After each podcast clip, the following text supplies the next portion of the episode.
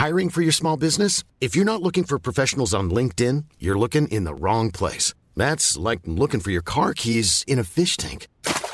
LinkedIn helps you hire professionals you can't find anywhere else, even those who aren't actively searching for a new job but might be open to the perfect role. In a given month, over 70% of LinkedIn users don't even visit other leading job sites. So start looking in the right place. With LinkedIn, you can hire professionals like a professional. Post your free job on linkedin.com slash people today.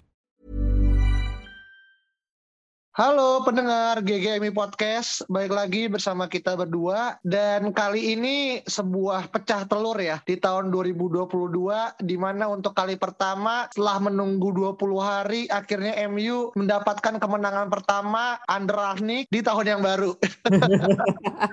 Agak cukup lama memang ya menunggunya kan 20 hari berarti kurang lebih tiga minggu gitu. Nah, gue mau nanya ke Alvin nih, lu penantian ini worth it nggak nih Vin dari penampilan semalam Vin? Kalau worth it buat menang sih menurut gue di babak kedua ya terutama itu sangat pantas buat menang. Karena babak pertama sejujurnya ya kalau kita lihat mungkin mending kita tidur kali ya gitu.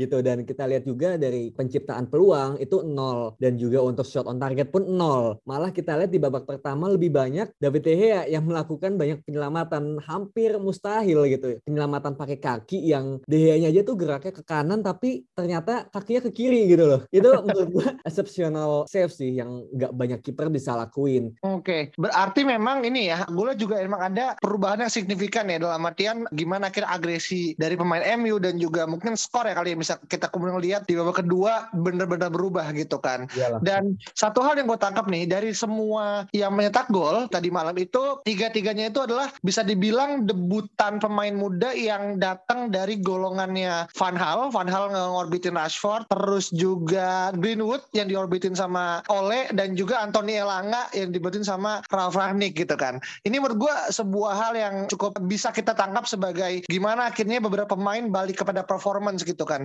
Apalagi dari Marcus Rashford gitu. Lu ngelihat penampilan Rashford kemarin ini momentum untuk dia back atau memang pure ya simple ada hal faktor lakat yang kemudian bisa ngebuat hal kemarin Vin? Menurut gue ya ini adalah hal yang sangat-sangat ditunggu-tunggu ya betapa kita ingin melihat Marcus Rashford ini mendapatkan kepercayaan dirinya lagi dan itu didapatkan dengan satu gol yang menurut gue keren karena play placingnya, tendangannya itu ke atas bukan ke bawah karena kiper udah pasti ke bawah dong gitu. Dan yeah. tendangan ke atas ke ujung kanan itu menurut gue ya itu kelas Rashford dan semoga ya semoga dengan gol ini bisa membuka keran gol lainnya di match-match selanjutnya yang kita mungkin mengharapkan itu setelah Rashford juga sembuh dari cedera kan itu kan yang kita harapkan kan. Hmm, oke oke oke oke. Dan memang balik lagi yang poin penting adalah kan percaya diri dan semalam sih gue rasa semua mungkin mayoritas pemain tampil menurut gue cukup bagus ya gitu kan terutama mungkin kita bisa ngomong dari lini tengah ke lini depan oh. gitu kan dan hmm. yang mungkin gue pengen sampaikan adalah pertandingan lawan Brentford semalam kan itu kan pertandingan tunda yang harusnya dimulai di Desember tapi karena COVID outbreak akhirnya dimajuin ke sekarang gitu kan yeah, yeah. nah terkait dengan formasi nih Vin balik kepada formasi standar pabrik ya 4-2-3-1 gitu kan McFred sebagai gelandang jangkar meskipun satu ases dari Fred lu ngelihat apakah ini bisa jadi salah satu momen untuk kemudian kita balik ke setelan awal apa lebih taktikal aja akhirnya Rangnick menggunakan uh, strategi semalam, Vin? Ya menurut gue lebih taktikal aja sih. Meskipun hmm. terkesannya kita main 4-2-3-1 ya karena ada iya. McTominay yeah. dan ada Fred. Tapi sebenarnya hmm. kalau kita benar-benar telah lebih lanjut pas kita tonton lagi, itu memang benar-benar Scott McTominay itu menjadi lone DM, menjadi DM yang seharusnya diisi oleh Matic atau mungkin ya kalau kita inginkan adalah Declan Rice. Dan sebenarnya mungkin ya gua, lu dan banyak fans MU lainnya nggak nyangka kalau ternyata Scott itu bisa main bagus sebagai lone DM. Dan hmm. kalau ngomongin Scott sendiri, sebenarnya gue merasa bahwa semalam dia memang nggak menjadi seorang DM yang pas lini tengah lawan dengan passing-passing yang ciamik ya. Kayak mungkin Matic kayak De gitu kan. Tapi yang dia lakuin adalah dengan dribble kalau kita lihat banyak banget dribble yang dia lakuin dari tengah langsung ke depan dan itu bagus banget. Di situ kelihatan bahwa sebenarnya Scott itu lebih cocok jadi box to box di posisi Fred sekarang. Cuma karena memang nggak ada DM jadi terpaksa lah Scott ada di situ. Dan Scott ini bermain di DM juga bukan sebagai metronom, bukan sebagai pengatur lini tengah, lebih ke melindungi back four dan just do dirty thing dan lakuin apa yang lu bisa gitu. Jadi menurut gua memang Scott ini bermain sebagai lone DM belum benar-benar maksimal karena untuk jadi seorang metronom lini tengah itu nggak gampang dan naturalnya itu ada di Matic. Jadi kalau kita lihat juga semalam build up itu nggak selalu lewat McTominay kan, sering juga lewat sayap, lewat Teles atau lewat Dalot langsung ke depan gitu. Jadi McTominay nggak selalu menjadi metronom lini tengah gitu sih. Jadi tetap meskipun Scott main bagus dan menurut gue MOTM tetap bukan menjadi justifikasi bahwa Scott ini cocok untuk DM jangka panjang. Tetap kita butuh seorang DM yang murni. Hmm, iya iya. Dan baik lagi memang kondisinya kan mungkin sekarang serba nggak pasti ya. Apalagi kemarin kita juga sempat ini ya, Vina Pang lihat sebuah tweet gitu kan kalau Rahnik tuh mungkin akan mulai menggunakan 4-3-3 dengan satu DM dan ya kayak semalam lah basic ketemu kan oh. dalam bayangan kita kan yang akan main kan Pogba sama Bruno kan.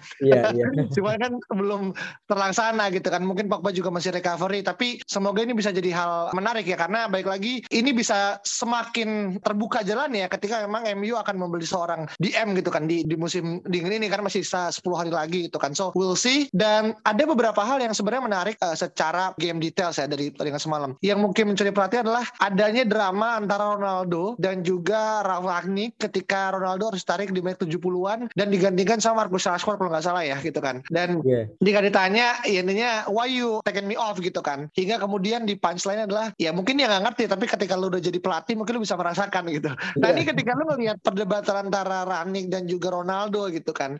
Apa yang kemudian lu bisa ambil sebagai pembelajaran Win? Sebenarnya biasa aja sih gitu kayak itu hal yang normal terjadi ya antara seorang okay. pemain yang diganti dan juga seorang pelatih yang dia mengambil keputusan penting untuk for the sake of the team gitu loh bukan individu aja. Dan masalahnya ini kan seorang Ronaldo seorang mega bintang. Jadi seolah ini menjadi headline yang sangat dibesar-besarkan padahal biasa aja gitu sih. Dan malah di sini gue melihat ya Ronaldo bagus. Betapa dia meskipun baru balik dari cedera dia dia kecewa menurut gue dia kecewa sama penampilannya sendiri. Dia ingin kontribut lebih. Cuma benar juga yang dibilang oleh Rangnick bahwa tugas dia adalah ya untuk menjaga tim. Nanti kalau misalnya dia salah taktik lagi, dia disalahin lagi kan. Kayak gitu. Dan gue sangat highly respect kepada Rangnick yang mampu mengontrol situasi pemain-pemain bintangnya, terutama egonya yang sangat-sangat tinggi. Dan itulah menurut gue pentingnya seorang pelatih yang bisa direspek, yang dituakan, yang dianggap sebagai seorang bapak ya gitu. Jadi kita lihat juga Rangnick juga konsol Ronaldo kan pas udah lewat beberapa menit dia datangi Ronaldo terus mengatakan beberapa hal dan di situlah peran pelatih untuk bilang bahwa ini tuh untuk tim loh, bukan buat lu aja. Dan gue yakin Ronaldo akan dewasa dan menerima itu. Itu itu cuma overreact semata aja menurut gue. Iya, iya. Dan sebenarnya kalau kita ngomong meskipun Ronaldo nggak mencetak gol, tapi mereka Ronaldo tuh kan sebenarnya memberikan second assist. Misalnya apa yeah. primary assist kan dengan yeah, menurut gue yeah. sentuhan dari dadanya yang kemudian ngebuat bola tuh jadi berpindah arah ke Bruno gitu kan. Dan di sini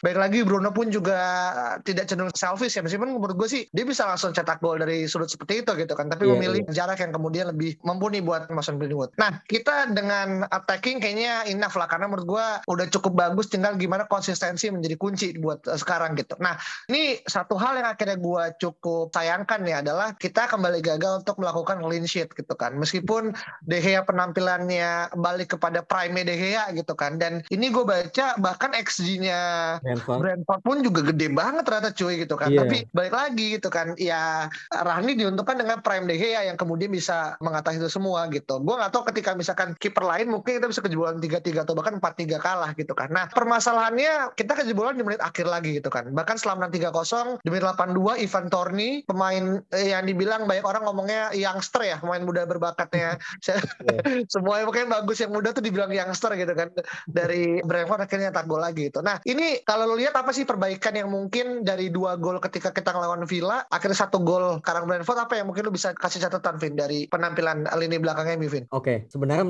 menarik ya karena kalau misalnya kita lihat di babak pertama ya, oke okay, itu mungkin gue melihat bahwa eksekusi para pemain MU dalam build up, dalam menyerang itu masih belum begitu bagus. Jadinya sering kerebut dan juga kena counter attack. Kita sering banget di babak pertama itu kena counter attack yang bikin ya De Gea tinggal one by one atau tinggal di posisi yang ya sulit lah untuk menyelamatkan. Dan kalau di babak kedua, menurut gue yang beda dari Villa adalah Rangnick belajar. Kita kan kemarin di episode lalu kita bilang bahwa Rangnick ini terlalu naif dengan tidak mengganti para pemainnya dengan tetap stick dengan plan awalnya sampai menit 70 sekian. Yang mana kita lihat Matic udah kecapean, Fred juga, Dalot pun begitu. Tapi semalam di menit 70-an ya kalau nggak salah atau 60-an ketika memang skor udah 2-0, Rangnick belajar. Dia mengganti formasi menjadi 3 back seperti yang dia janjikan ya kan di Aston Villa kemarin. Dia ganti jadi 3 back, dia masukin Harry Maguire yang bikin kalau 3 back berarti kan back sayap ini yang namanya Dalot dan juga Teles itu kerjanya nggak seberat di formasi 4 back back kayak gitu. Jadi dia nggak terlalu menjaga area yang terlalu luas lagi karena udah di backup sama back tengah kanan dan back tengah kirinya. Itu sih menurut gue kuncinya. Kunci di mana pada akhirnya MU bisa gain more control karena tengahnya pun MU ada tiga juga, ada Scott, ada Fred, ada Bruno juga. Cuma memang bakal lacking di width. Cuma it's okay. Lu udah 2-0, udah 3-0 ya udah lu tinggal kontrol the game aja lah, nggak perlu pengen cetak gol lagi. Cuma masalahnya ya gimana ya? Namanya juga suwe kalau penyelamatan yang apa ya kayak peluang-peluangnya hampir gol malah nggak gol kan. Tapi giliran peluang yang apa ya easy banget gitu loh buat diselamatin malah golnya dari hal-hal yang remeh-temeh gitu loh. Dan kita lihat Maguire malah ngejagain dua temennya sendiri gitu kan. Aduh, parah nih orangnya. dia masih punya apa ya World Cup syndrome kayak deh dia mau udah bener itu Bruno tetap pakai ban kaptennya sih nggak dikasih ke Maguire itu udah udah udah sesuai lah menurut gua. Iya iya ya pelan-pelan lah ya di, dilengsarkan dengan cara-cara elegan gitu kan. Lo bukan Gak langsung sih tapi ya dengan cara kayak semalam itu itu udah aneh loh. Kan harusnya kalau nama Maguire kapten utama menurut gua ya harusnya dikasih loh ke Maguire. Hmm, iya iya dan gak jarang kan ketika ada orang kayak contoh kemarin kalau nggak salah Mark Noble ya ketika kita lawan West Ham kan dia dikasih ban kapten gak sih ketika masuk selain dari nendang penalti gak sih? Seingat gue ya. Iya iya iya, kayaknya dikasih. Iya kan? Iya, uh. Iya kan? Selain dari dia respect ya sebagai pemain senior, tapi menurut gue kan ya tahu kalau misalkan ada orang yang emang truly born captain di sebuah tim kan akan diberikan. Tapi semalam kayaknya nggak ada gestur juga dari dari, dari Fernandes untuk berkenan dengan Iya nih kayaknya memang ada ada ini ya apa namanya persaingan antara Englishman dan juga kartel ya gitu. ini ini bahasanya tuh ada dua poros sekarang nih kan. Dua poros. Porosnya Bruno dan juga porosnya porosnya Maguire sembari iya, Ronaldo nih poros, Iya poros Latin lawan poros Inggris kan. Iya.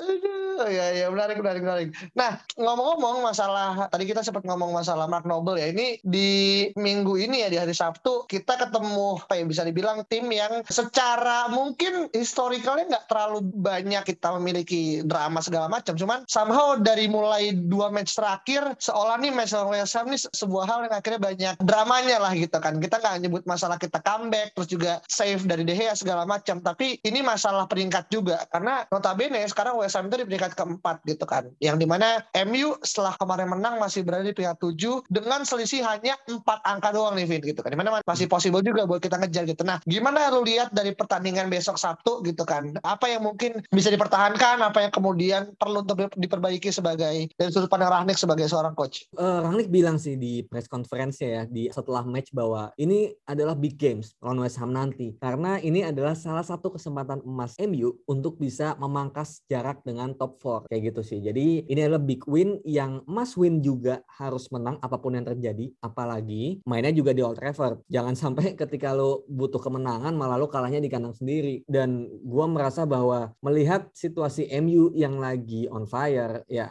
emang sih baru satu match ya gitu. Tapi menurut gua baru menemukan pakemnya di formasi 4-3-3. Tinggal gimana eksekusi mereka ini diperbaiki lebih tenang lagi dan gak terlalu gerasa gerusuk. Dan West Ham juga terakhir kali dia kalah kalah kan di kandang sendiri lawan Leeds United. Jadi menurut gue di sini meskipun West Ham diuntungkan dengan jadwal yang di midweek ini nggak bermain, tapi dengan meningkatnya kepercayaan diri pemain-pemain MU, menurut gue harusnya ini bisa menjadi moral tersendiri untuk melawan West Ham nanti. Dan menurut gue nggak akan banyak perubahan yang terjadi paling look show aja gantiin Teles karena udah main mulu kan gitu. Dan AWB kayaknya ya udahlah ya dia pasrah aja sih menurut gua ngeliat penampilan Dalot selama ini.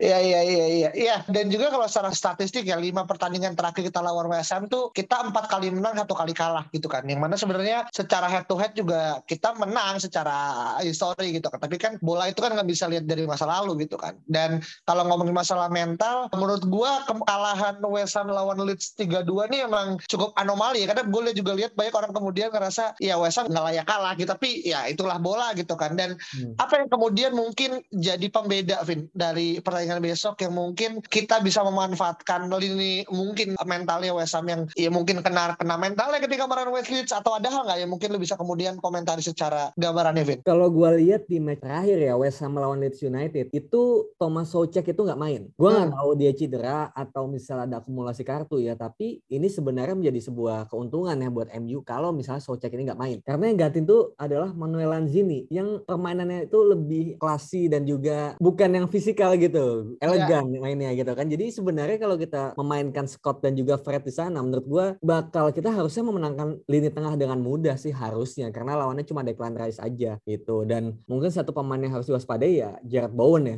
yang dalam beberapa pertandingan terakhir memberikan banyak assist dan juga gol dan jangan sampai dia bisa memanfaatkan counter attack dan bisa konversi jadi gol. Hmm, iya iya iya iya. Dan juga ini mungkin semacam kayak greetings juga ya buat David Moyes untuk sekali lagi balik ke Old Trafford gitu kan dan kita kemudian lihat gimana akhirnya sebenarnya kan sekarang kalau ngomongin masalah uh, mentalitas MU gitu kan. Gua nggak bilang kalau setelah kita menang 3-1 itu akhirnya terus terangkat gitu kan. Tapi kan momen-momen kecil ini kan perlu untuk dijaga gitu kan. Apalagi kita tahu targetnya adalah minimal adalah masuk empat besar gitu. Dan kalau gua bilang kalau kita nggak bisa menang di game-game kayak gini gitu kayak besok lawan West Ham ataupun match-match lainnya yang kemudian kita lihat juga Chelsea terakhir lagi buruk juga gitu kan kemarin seri iya. satu-satu lawan Brighton Wolves Albion gitu kan. Menurut gua nggak ada hal untuk kemudian kita nggak ngambil take advantage gitu kan. Bisa jadi gitu kan. Karena West Ham juga mulai goyah, Chelsea juga mulai goyang. Tiga besar bukan suatu hal yang pesimis gitu kan. Jadi oh. ini balik lagi nih sebuah open race-nya masih sangat terbuka ya gitu kan. Selain dari City yang untouchable juga Liverpool yang duduk di mana Gading,